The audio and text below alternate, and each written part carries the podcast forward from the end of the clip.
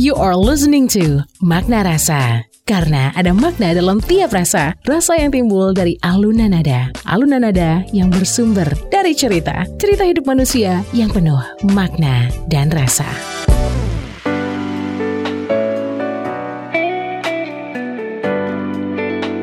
Dari Bumi Karang Putih Indarung Padang 103.4 Classy FM This is the actual radio Classy people Welcome back to Makna Rasa. With Ampri Satyawan And still we are having our special guest Pak Nofril is in the house ya Oke Seperti janji kita minggu lalu ya Pak ya Iya. Kita ada di Makna Rasa Special Edition Tribute to The Beatles, The Beatles. Nah siapa sih yang gak tahu The Beatles ya come together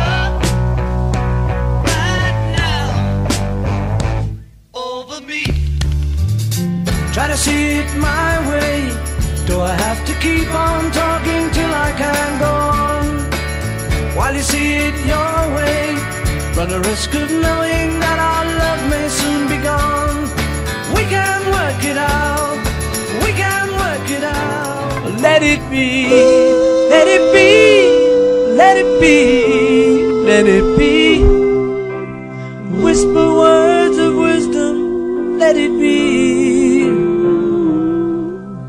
When all the broken hearted people living in the world agree, there will be an answer. Let it be. Don't let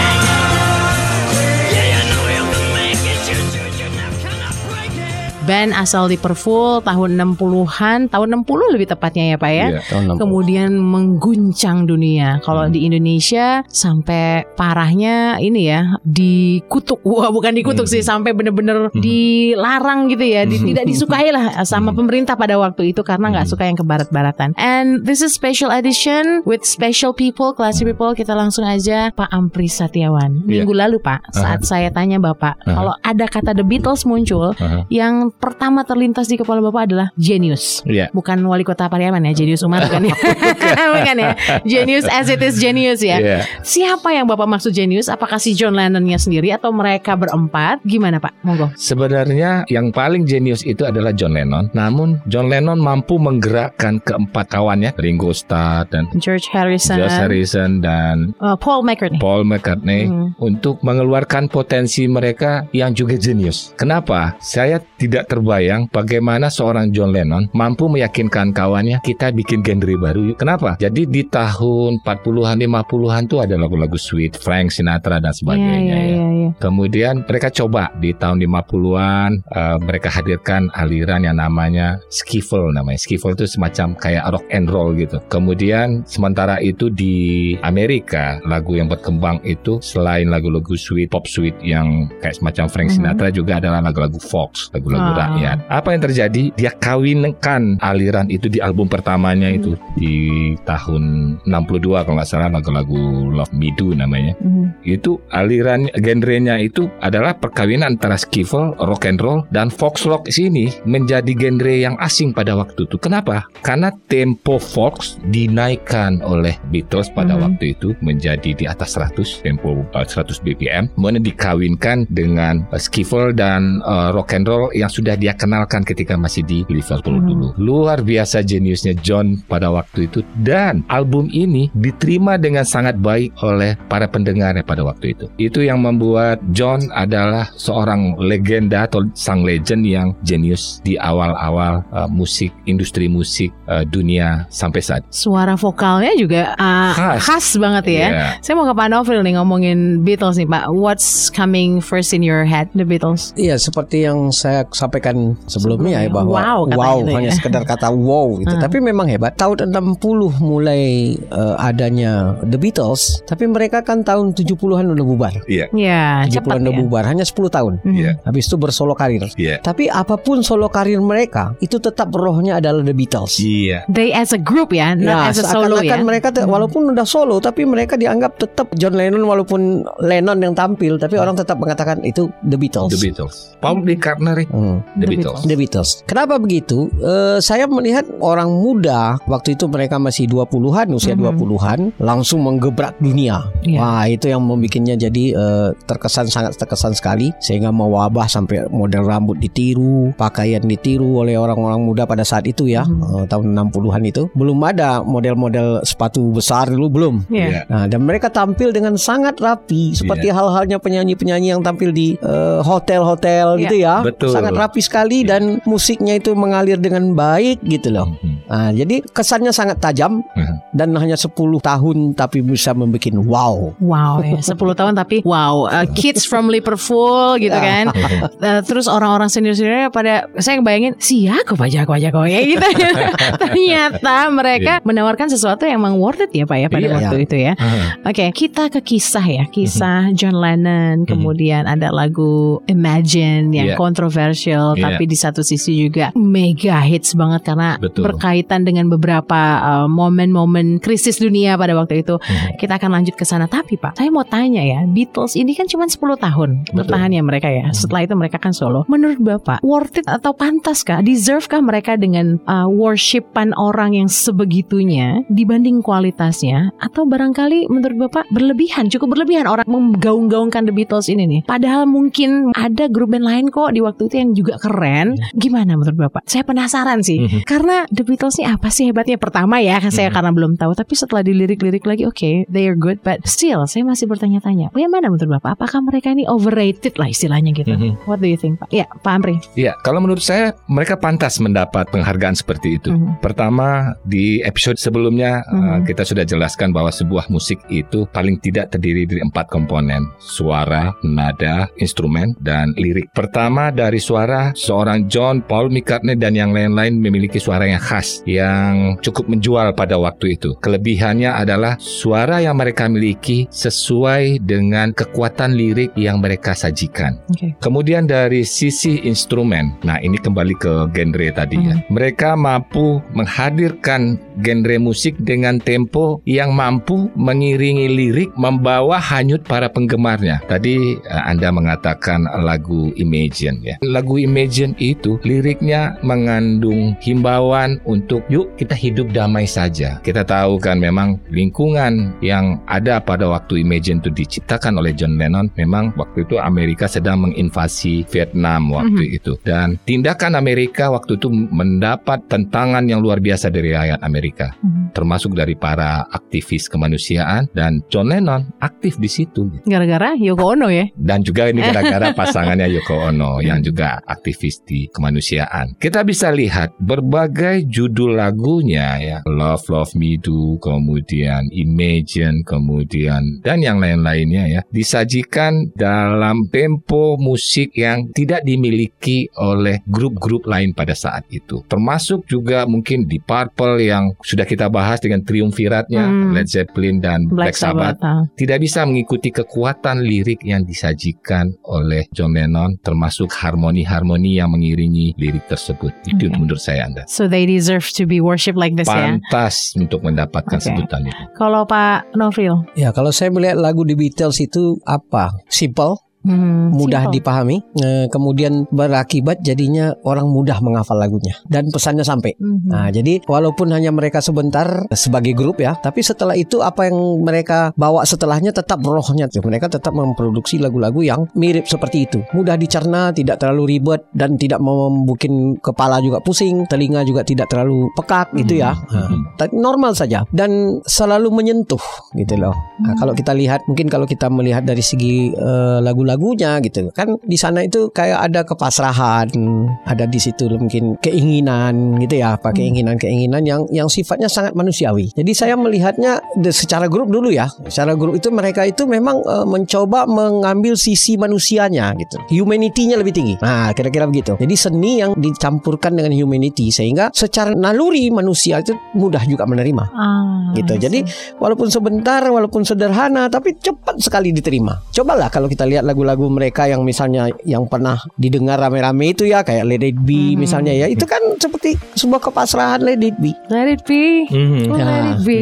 Itu Let membuat be. kita menjadi ke humanity-nya menjadi sabar. Mhm. Sabarlah. Mhm. Pasti sesuatu akan lebih baik gitu. Iya. Ah, jadi sangat menyentuhnya itu di situ saya pikir. Jadi The Beatles itu cuma memang ya di kita waktu itu kena ada kerasa yang lebih yang ketidaksukaan sebenarnya ya. Tapi sebetulnya tidak. Orang-orang di dunia juga mengagumi karena anak muda yang berasal dari apa namanya Inggris kan beda ya dengan Amerika ya. Nah, ada ikatan-ikatan iya, iya. budaya yang yang berbeda di situ. Terus mereka muncul di sana gitu loh. Oke, ini nih mau saya Ya. tanya lagi nih nanti di sesi selanjutnya. Ini makin asik. Saya mau dalam dalam banget nih ngomongin Imagine karena lagu ini powerful banget ya. Uh, create by John Lennon. Terus kisahnya dengan Yoko Ono Iya. sama Cynthia Lennon dulu. Iya. Kemudian penembakannya dia ya kan. Nanti kita akan cerita. Dan Classy People will be right back on Makna Rasa.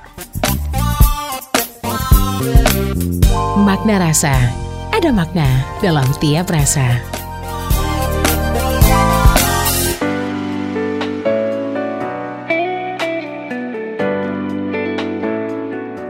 103,4 Classy FM This is the actual radio Classy people Welcome back to Makna Makna Rasa Rasa. The Beatles were an English rock band Ya. Dibentuk di Liverpool tahun 1960 ya Ada John Lennon di sana Paul McCartney George Harrison and Ringo Starr ya Ringo Starr ini banyak orang-orang yang menilai Ah permainannya gitu-gitu aja Mhm. Ketukan drum Beatles kan gitu-gitu aja ya Pak ya. Uh, tapi ada yang tidak dipahami oleh banyak orang yang menilai seperti itu bahwa Ringo Starr adalah drummer yang hebat karena dia memainkan drum just exactly like what the song needs. Mhm. Ya kan? Dia jadi drummer yang hebat itu bukan yang harus jutang jedung jedang jedung Ya, gitu, tapi dia memainkan drum sesuai kebutuhan lagunya gitu. Sehingga lagunya bisa simple yet sweet gitu kan ya The Beatles. Nah, seperti itu.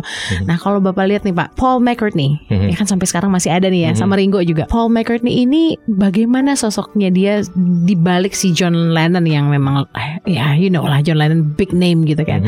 Gimana pengaruhnya si Paul ini Pak dalam musik Beatles sebagai gitaris? Iya, jadi begini, mereka ini sebenarnya kumpulan anak muda ketika masih di Liverpool ya, saya mundur ke belakang sedikit, yang memiliki eh, talenta dan karakter saling melengkapi. Paul McCartney adalah sosok yang suka dengan lirik-lirik yang romantik, termasuk lagu Let It Be dan sebagainya Ya. itu. Begitu juga dengan Ringo. Nah, tadi Anda cerita Ringo. Ringo Starr ini adalah pemain yang dulu disebut sebagai eh, pemukul drum terbaik di dunia pada waktu itu. Kenapa dia terbaik? Karena beberapa ciri style drumnya dia tidak berapa lama diikuti oleh grup musik yang lain. Di episode sebelumnya saya sudah menjelaskan ada di alat drum itu namanya tam-tam namanya. Mhm. Dia kayak gantungan eh, kerbau itu ya. Itu dibawa Ringo di ketika lagu All My Loving kalau nggak salah di tahun 63 yang kemudian di album Rolling Stones dua tahun atau setahun sesudah itu Rolling Stone juga akhirnya banyak menggunakan tam-tam. Ini itu contoh sederhana Iya, iya, saja iya. bahwa Ringo memberikan inspirasi bagi pemusik lain untuk meniru cara dia bermain. Iya. Namun memang di banyak lagu yang disampilkan eh, yang ditampilkan Beatles mengharuskan Ringo bermain pada format yang kadang-kadang terdengar tidak banyak lonjakan-lonjakan, Iya, ah. stabil Iya, gitu. betul. Jadi memang lirik lagu itu mengharuskan Ringo menghadirkan ketukan yang stabil. Hmm. Tapi variasi snare, bass drum dan tam-tam yang yang lain ya Mhm. itu menjadi inspirasi grup musik lainnya pada saat itu. Itu Hmm. kelebihan Ringo. Dan hubungan mereka sangat baik. Namun memang sejak eh, John Lennon berkenalan dengan Yoko Ono, ada beberapa kali terjadi ketidaksesuaian antara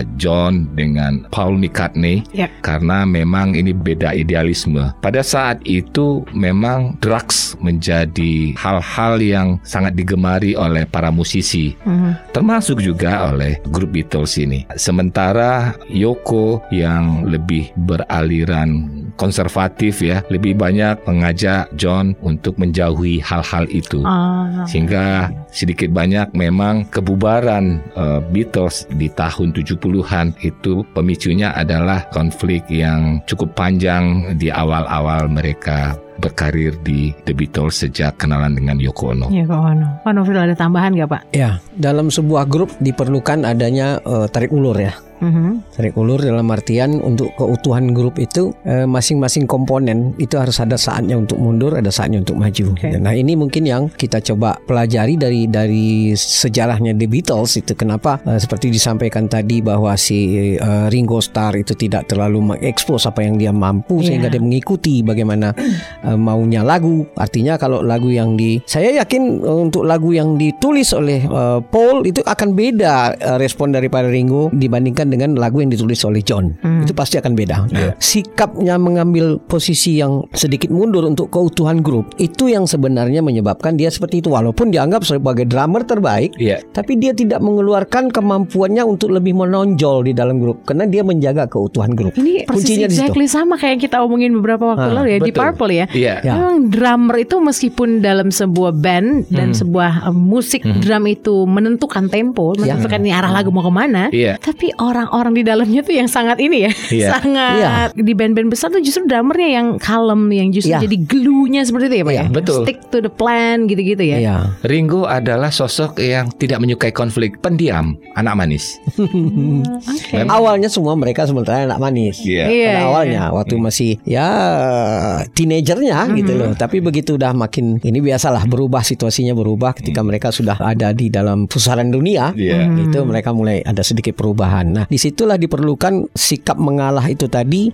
apa dari masing-masing komponen itu untuk bisa mendukung terus gitu. Hmm. Kalau kita lihat ke kasus berikutnya yang ternyata bahwa The Beatles itu memilih untuk berpisah dikarenakan ada pengaruh pihak lain itulah kekuatan cinta kalau saya pikir. Oh, aduh, kekuatan cinta Kekuatan dari cinta. sisi mana dulu nih? Pak? Nah, itu dia. Dari sisi mana dulu kita ngeliat ya? Karena kekuatan cinta yang bisa membuat orang berubah gitu. Oke. Berubah walaupun sebenarnya eh, mungkin di satu sisi itu lebih baik. Aha. Ya kan lebih baik tapi cara melihat kan ada beberapa sisi yang dilihat ya gitu ya. Si apa namanya John mungkin merasa Yoko itu merupakan bagian dari separuh jiwa katanya kan satu gitu ya. jiwa bahkan Ah, yang itu yang bahkan satu jiwa itu satu gitu. jiwa saking sakingnya ya. Tapi si Paul tidak bisa menerima yang seperti itu karena dia sebenarnya di dalam grup kalau kita pernah juga mengalami ini pernah terjadi nih. Oh iya. Hmm. Ada kejadian yang seperti itu. Iya. Apakah eh, muncul dari yang pengaruhnya itu dari yang tidak terlibat sama sekali atau mungkin dari eh, singer yang kita pada saat itu kita jadikan lead Hmm. Grup band, Iya. oke. di dalam grup itu itu Iya. bisa menimbulkan konflik. Nah ini memang harus bisa memisahkan gitu. Nah saya melihat ketika sejarahnya seperti itu John seperti buta pada saat itu. Iya. Bener kata ini ya kata Nah.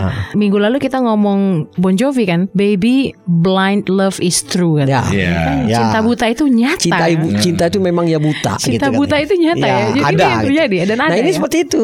John menjadi buta, meskipun dari segi inspirasi dia semakin terinspirasi. Hmm. Lagu-lagu yang muncul dari John setelah itu bagus-bagus. Imagine kan itu Iya, bagus-bagus dan dan apa Oh, namanya sangat menyentuh kepada manusianya. Mhm. Bagus-bagus walaupun di belakang itu orang menyebut The Beatles gitu. Tetap The Beatles walaupun mereka udah nggak ada. Gitu. Oke oke. Well, The Beatles ini kan dari Inggris ya. Iya. Ya. Kemudian di tahun-tahun yang mirip-mirip ada The Rolling Stones yang ah, muncul tapi dari Amerika. Kalau kita lihat sekarang juga ada yang baru-barunya ada Coldplay Inggris gitu ya. Kemudian sebelum Coldplay ada Oasis ya, band Oasis itu dari uh, Inggris. Kalau kita lihat Inggris sama Amerika ini kan beda ya Pak ya. Saya nggak ngerti nih. Mungkin uh, saya tahu berbeda taste-nya. Kalau denger oh ini pop Brit nih. Oh ini enggak nih Amerika. Kerasa cuman I cannot explain why they are different gitu. Iya. Gimana menurut Bapak? Ini British yang dari Inggris sama Amerika ini warnanya jadi sebeda itu kenapa Pak? Kalau saya lihat selama ini ya, grup-grup yang berasal dari Inggris adalah grup-grup creator. Artinya gini, mereka itu muncul dan besar dengan ciri khas baru. Creator, makanya kreator mereka ya. Ya, Oke. kalau di Amerika mereka lebih banyak kepada pandai mengemas. Packagingnya oke ya. Packaging mereka Ah, kekuatannya orang grup band di Amerika. Makanya grup-grup band besar yang kita kenal saat ini Mhm. yang mempunyai ciri khas tertentu pada umumnya berasal dari Inggris. Ya. Nah, dibandingkan band-band yang besar di Amerika. Kita bisa lihat lah misalnya kayak eh, di album sebelumnya kita cerita Bon Jovi misalnya ya. Dia lebih banyak mengemas dari Fox, Oke. balad yang sudah ada pada saat itu. Ha. Tetapi grup-grup kayak Oasis dan lain-lain lainnya, Mm-hmm. dia menghadirkan genre yang berbeda. Baru ya. Baru Ada pada sentuhan barunya ya. Iya, nah itu bisa kita rasakan. Hmm. Kalau menurut saya seperti itu Anda. Kalau Pak Nafril? Eh, Inggris dan Amerika memang beda. Artinya begini, eh, kalau kita lihat histori, Inggris itu pernah menjadi penguasa dunia dalam tanda kutip. Ya. Sehingga mereka mempunyai pengaruh yang sangat luas sebenarnya, termasuk ke Amerika sendiri. Nah, dan kemudian Inggris adalah kalau kita posisikan dari dunia Barat itu adalah identik dengan Ningrat. Ya. Ningrat ya. Kerajaan ya. Ya, Kingdom. jadi mereka itu Ah. memang berada pada posisi yang tinggi juga sebelumnya, sehingga apa pun yang mereka bikin akan memberikan pengaruh yang besar juga. Tapi apa yang disampaikan Pak Ampri itu benar. Mereka menimbulkan sesuatu, memunculkan sesuatu yang baru, selalu yang baru dan yang di luar yang sudah ada, sehingga langsung jadi tanda tanya gitu. Kalau saya melihatnya seperti itu, karena Inggris sangat-sangat kokoh posisinya di atas Ya. dunia, apa pun yang mereka bikin jadi perhatian orang Mhm. sampai sekarang. Mhm. Itu ya. Khususnya dalam seni ini ya. Dalam seni pun seperti Mereka itu karena mereka soalnya. mereka tidak keras-keras tidak tidak liar-liar seperti yang di Amerika. Yes. karena memang tingkat kebebasannya beda. Mhm. Amerika itu adalah sangat bebas tapi Inggris tidak. Kalau kita lihat sejarahnya lagi antara Inggris dengan Amerika ini kan memang orang yang berbeda sebenarnya.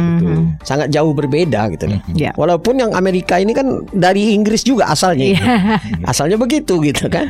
Nah, apalagi kalau kita lihat sekarang dari cara berbahasa saja lah. Iya. Apa keteraturan bahasa Inggris Iya. yang British itu Iya. jauh lebih baik daripada Amerika. Mhm. Kenapa? Eh, Ya mereka berbahasanya ya seperti itu, suka menyikat-nyikat, suka memotong-motong, itu Amerika gitu. Iya. Makanya kalau kita lihat lagu yang dari berasal dari The Beatles, kita bandingkan dengan apa yang kita bahas minggu lalu Bon Jovi, Bon itu Jovi. beda. Mhm. Cara kalimatnya berbeda gitu. Cara membacanya berbeda. Kenapa? Kalau Inggris dia jelas kalimatnya. Nah, sehingga kalau orang yang melihat bahasanya seperti itu enak didengar gitu. Amerika kan kadang-kadang susah untuk mengerti ini apa sih?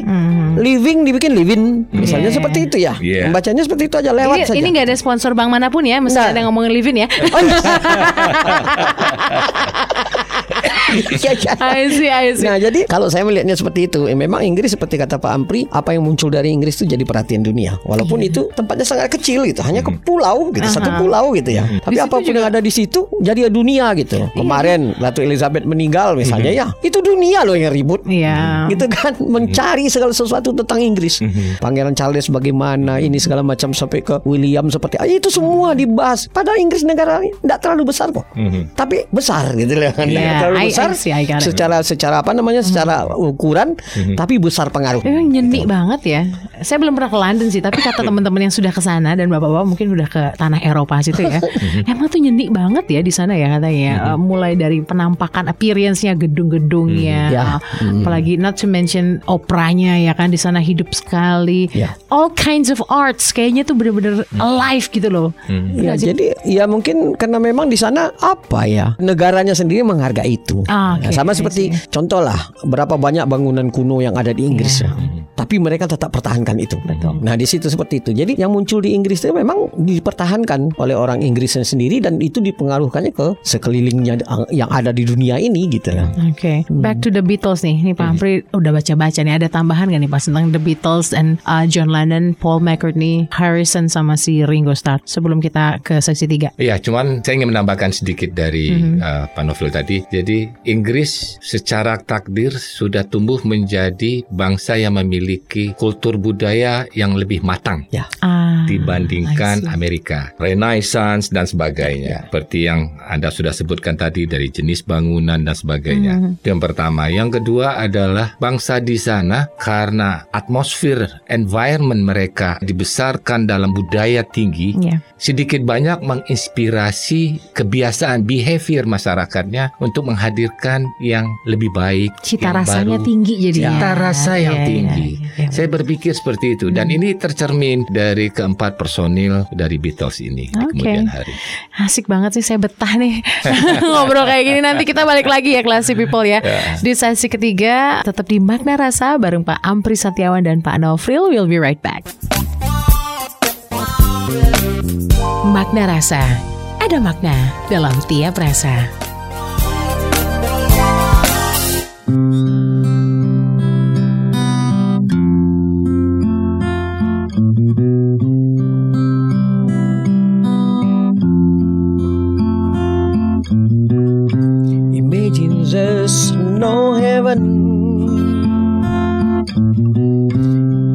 It's easy if you try. No hell below us. Above us, only sky. Imagine all the people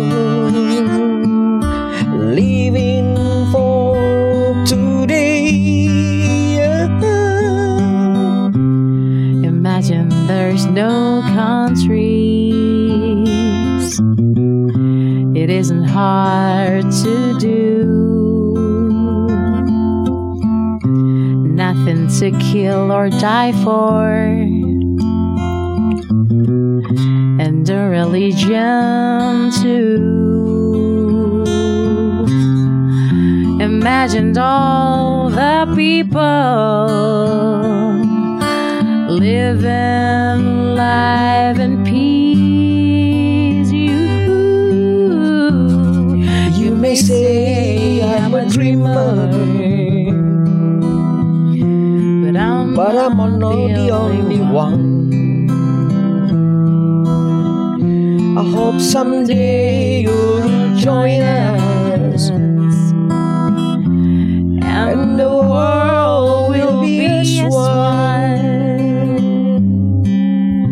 Ladies and gentlemen, itulah kita bertiga trio The Beatles ya.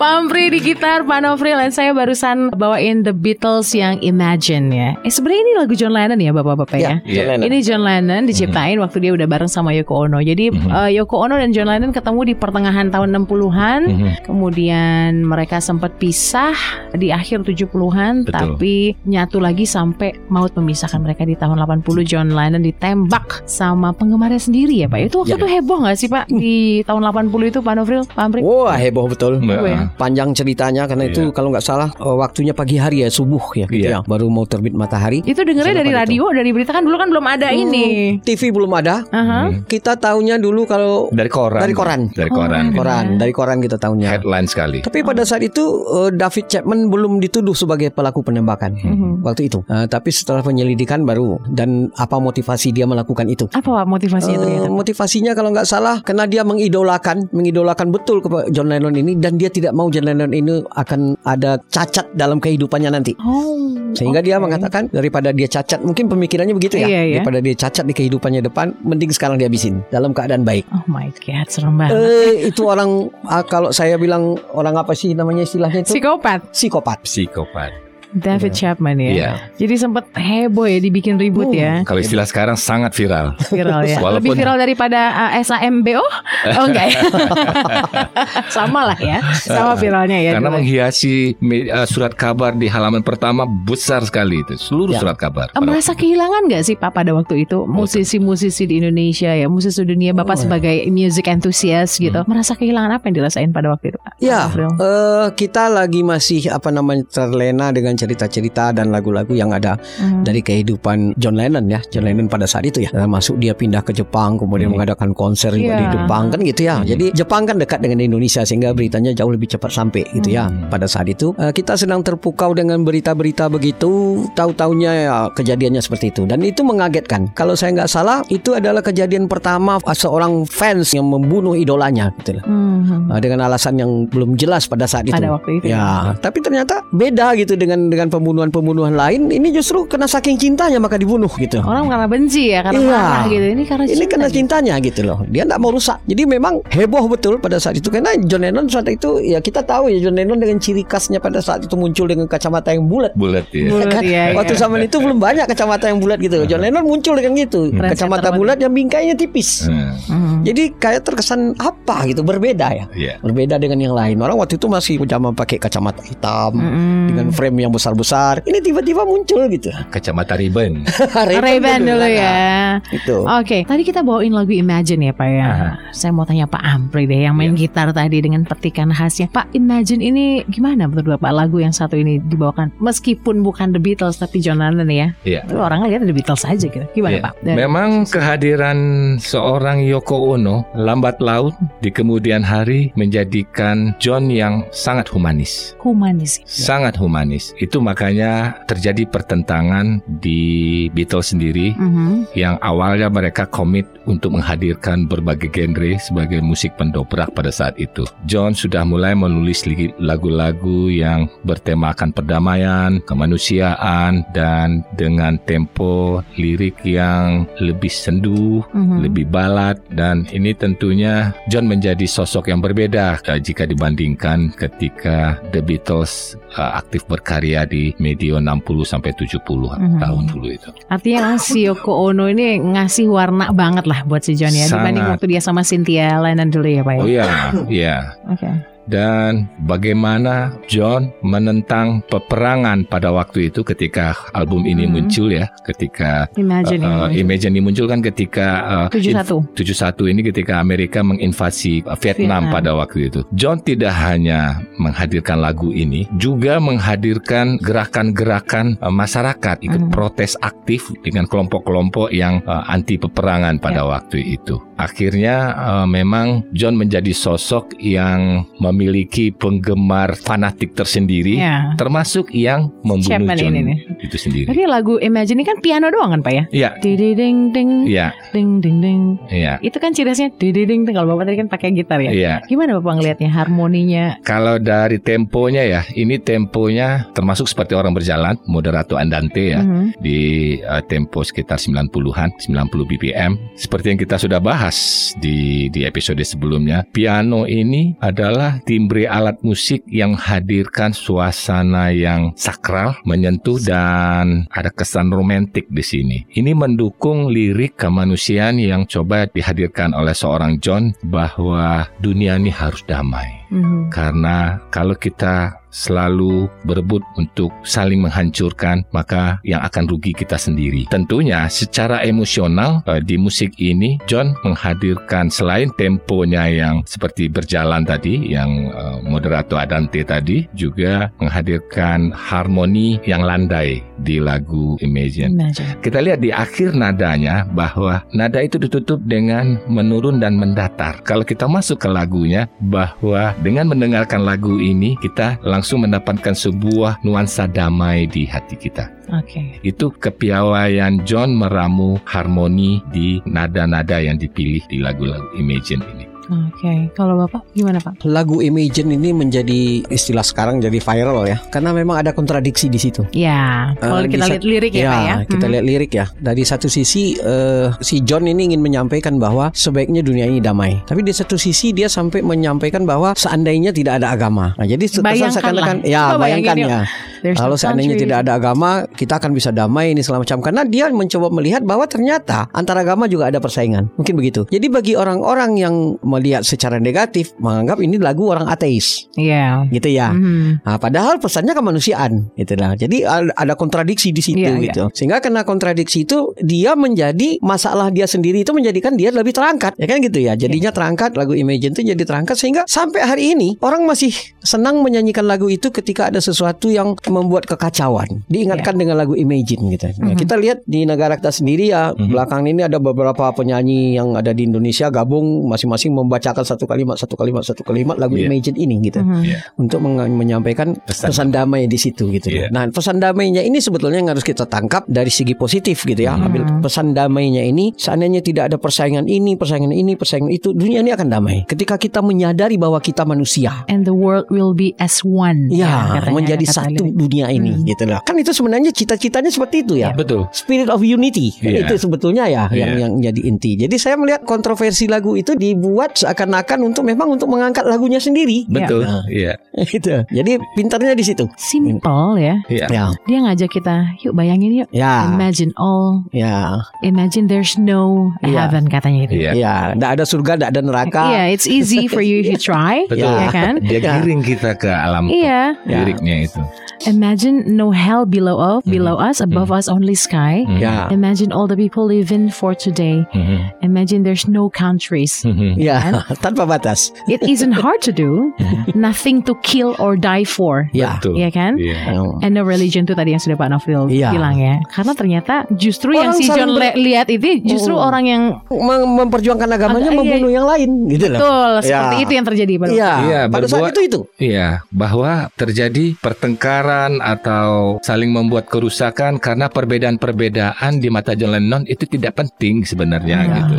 Dan kalau perbedaan-perbedaan itu dihilangkan, kita akan merasa bahagia. Mhm. Di episode sebelumnya kan kita sudah lihat bahwa dengan hilangnya apartheid, Man in a Mirror ya. m- waktu ada The Man ma- in the Mirror, bagaimana sebuah negara Afrika Selatan menjadi negara dengan ekonomi yang maju Mhm. dan Ya. dan masyarakat di sana menjadi terangkat kehidupannya dan lain sebagainya. Tapi ada yang unik ya. Mhm. You may say I'm a dreamer. Betul. Ya. You may say I'm a dreamer, but I'm not the only one katanya gitu ya. Ah. I hope someday you will join us and the world will be as one. Jadi kalau kata Pak Ampri tadi tuh kayak ada uh, semangat yang ngegerakin dan kayak menyadarkan bahwa sebenarnya yang mau damai itu nggak cuma si John doang kan. Iya. Ada yang lain. Ada- Dan itu bukan merupakan suatu hal yang tidak mungkin. Nah itu. Dan yang berhasil John bikin lagu ini menjadi sebuah legacy Mhm. bahwa lirik-lirik ini akan menjadi penyemangat bagi umat manusia sampai kapan pun. Ketika peperangan masih terjadi,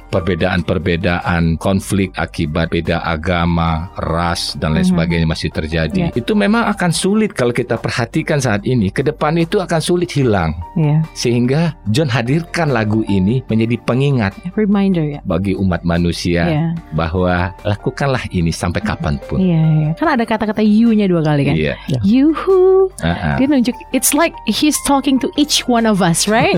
Iya kan? Iya. You imagine something Iya. and I'm you're not the only one loh gitu. I'm not the only one. Iya. There's you eh Iya. bareng-bareng. Eh simple simple tapi dalam ya. Benar-benar. Dia panggil melalui liriknya ke kita tidak hanya menyentuh ego kita, tapi langsung ke super ego kita. Oke. Spiritnya dalam sekali Wordplay ini jadi legend ya. dan Oke, langgeng. Hmm. kita akan lanjut di sesi keempat ya. Kita closing statement di sesi keempat nanti dan uh, saya penasaran nih bapak-bapak ini punya closing statement apa dan barangkali punya tambahan-tambahan point of view tentang The Beatles dan kalau kaitannya sama musisi-musisi sekarang baik yang di dalam maupun luar negeri. Oke, Classy People tetap di Makna Rasa. We'll be right back for you. Makna Rasa. Ada makna dalam tiap rasa.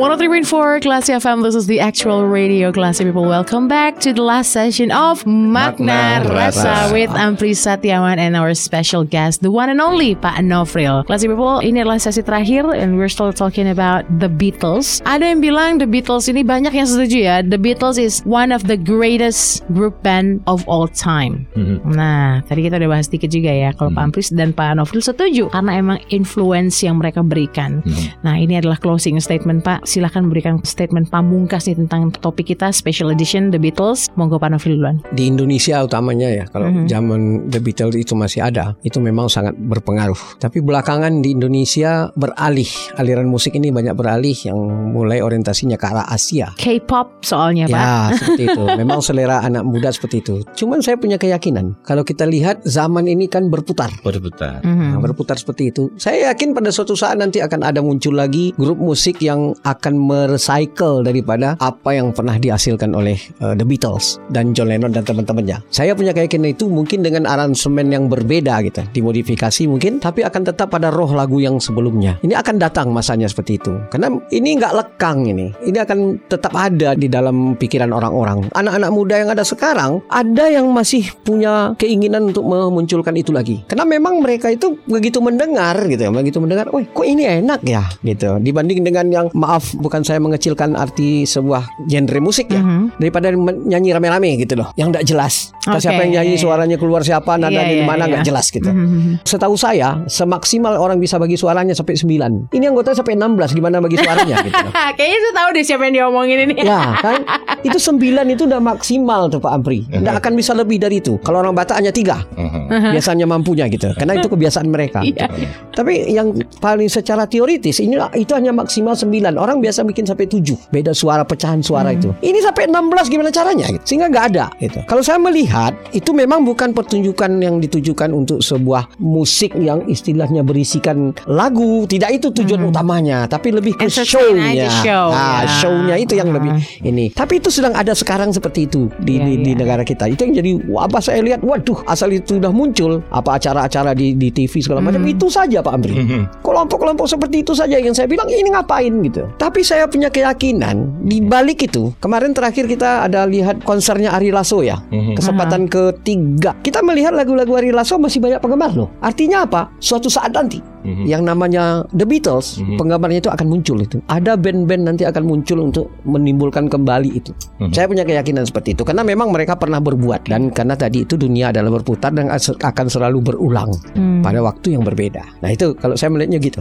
Oke, asik. Pak Ampri, closing statement Pak. Beatles adalah kelompok musik yang mampu hadir menghasilkan lirik-lirik lagu yang visioner, termasuk John Lennonnya sendiri. Genre lagu itu akan terus berkembang, tidak muncul di permukaan untuk sebentar, dan kemudian akan di waktu yang lain akan muncul kembali. Hmm. Kenapa? Karena kita tahu bahwa eh, musik sedikit banyak mempengaruhi perkembangan budaya sebuah bangsa. Dengan lirik-lirik yang dihadirkan ini, kita bisa melihat ada lagu seorang anak muda yang hanya bermodalkan gitar. Kalau nggak salah judulnya Until I Found You, eh, yang ada liriknya Georgia dan sebagainya itu. Itu adalah terinspirasi dengan eh, gaya bermusik di tahun 60-an 70-an dan itu menjadi hit satu lagu itu. Walaupun lagu itu hanya muncul di media sosial sebagai YouTuber dan sebagainya. Mhm. Yang terakhir adalah bahwa kita tahu bahwa hidup ini sangat singkat dan hati kecil setiap manusia adalah bagaimana segala upaya dilakukan oleh seorang manusia untuk mencapai eh, kata-kata yang kita sepakat yang disebut bahagia Ya, happiness. happiness Ah.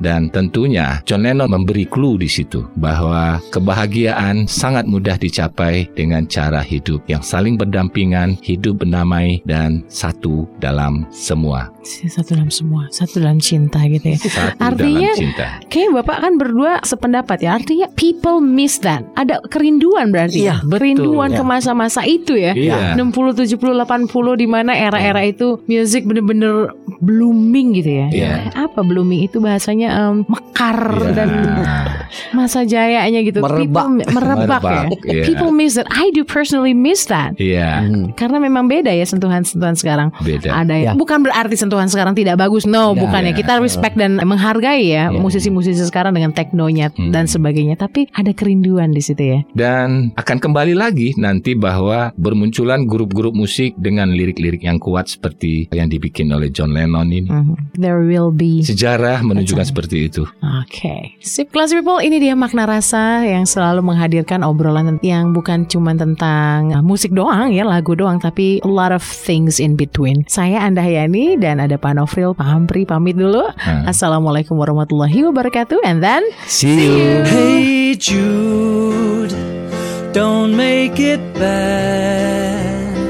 Take a sad song and make it better. Remember to let her into your heart. Then you can start to make it better. Hey Jude. Don't be afraid.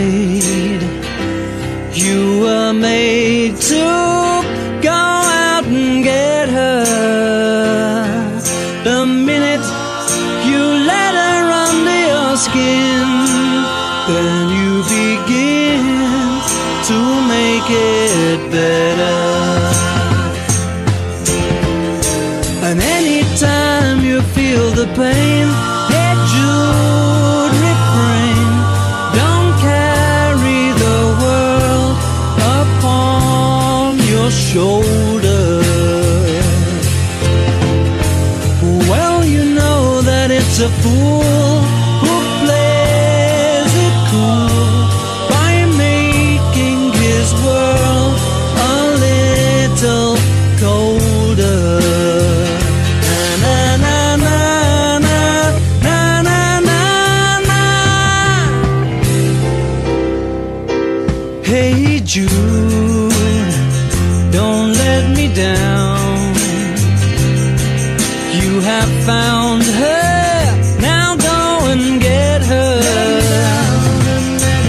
remember to let her into your heart. Then you can start to make it better.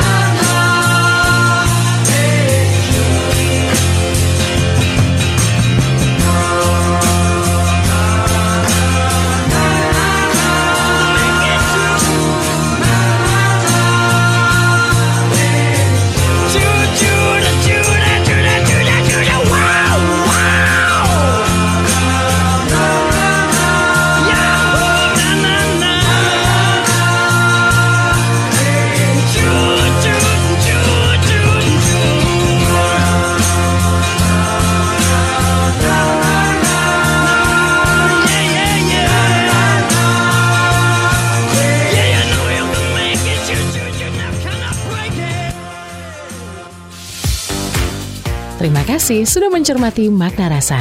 Kami akan mengajak akal Anda berkelana bersama-sama pada hari Jumat selanjutnya.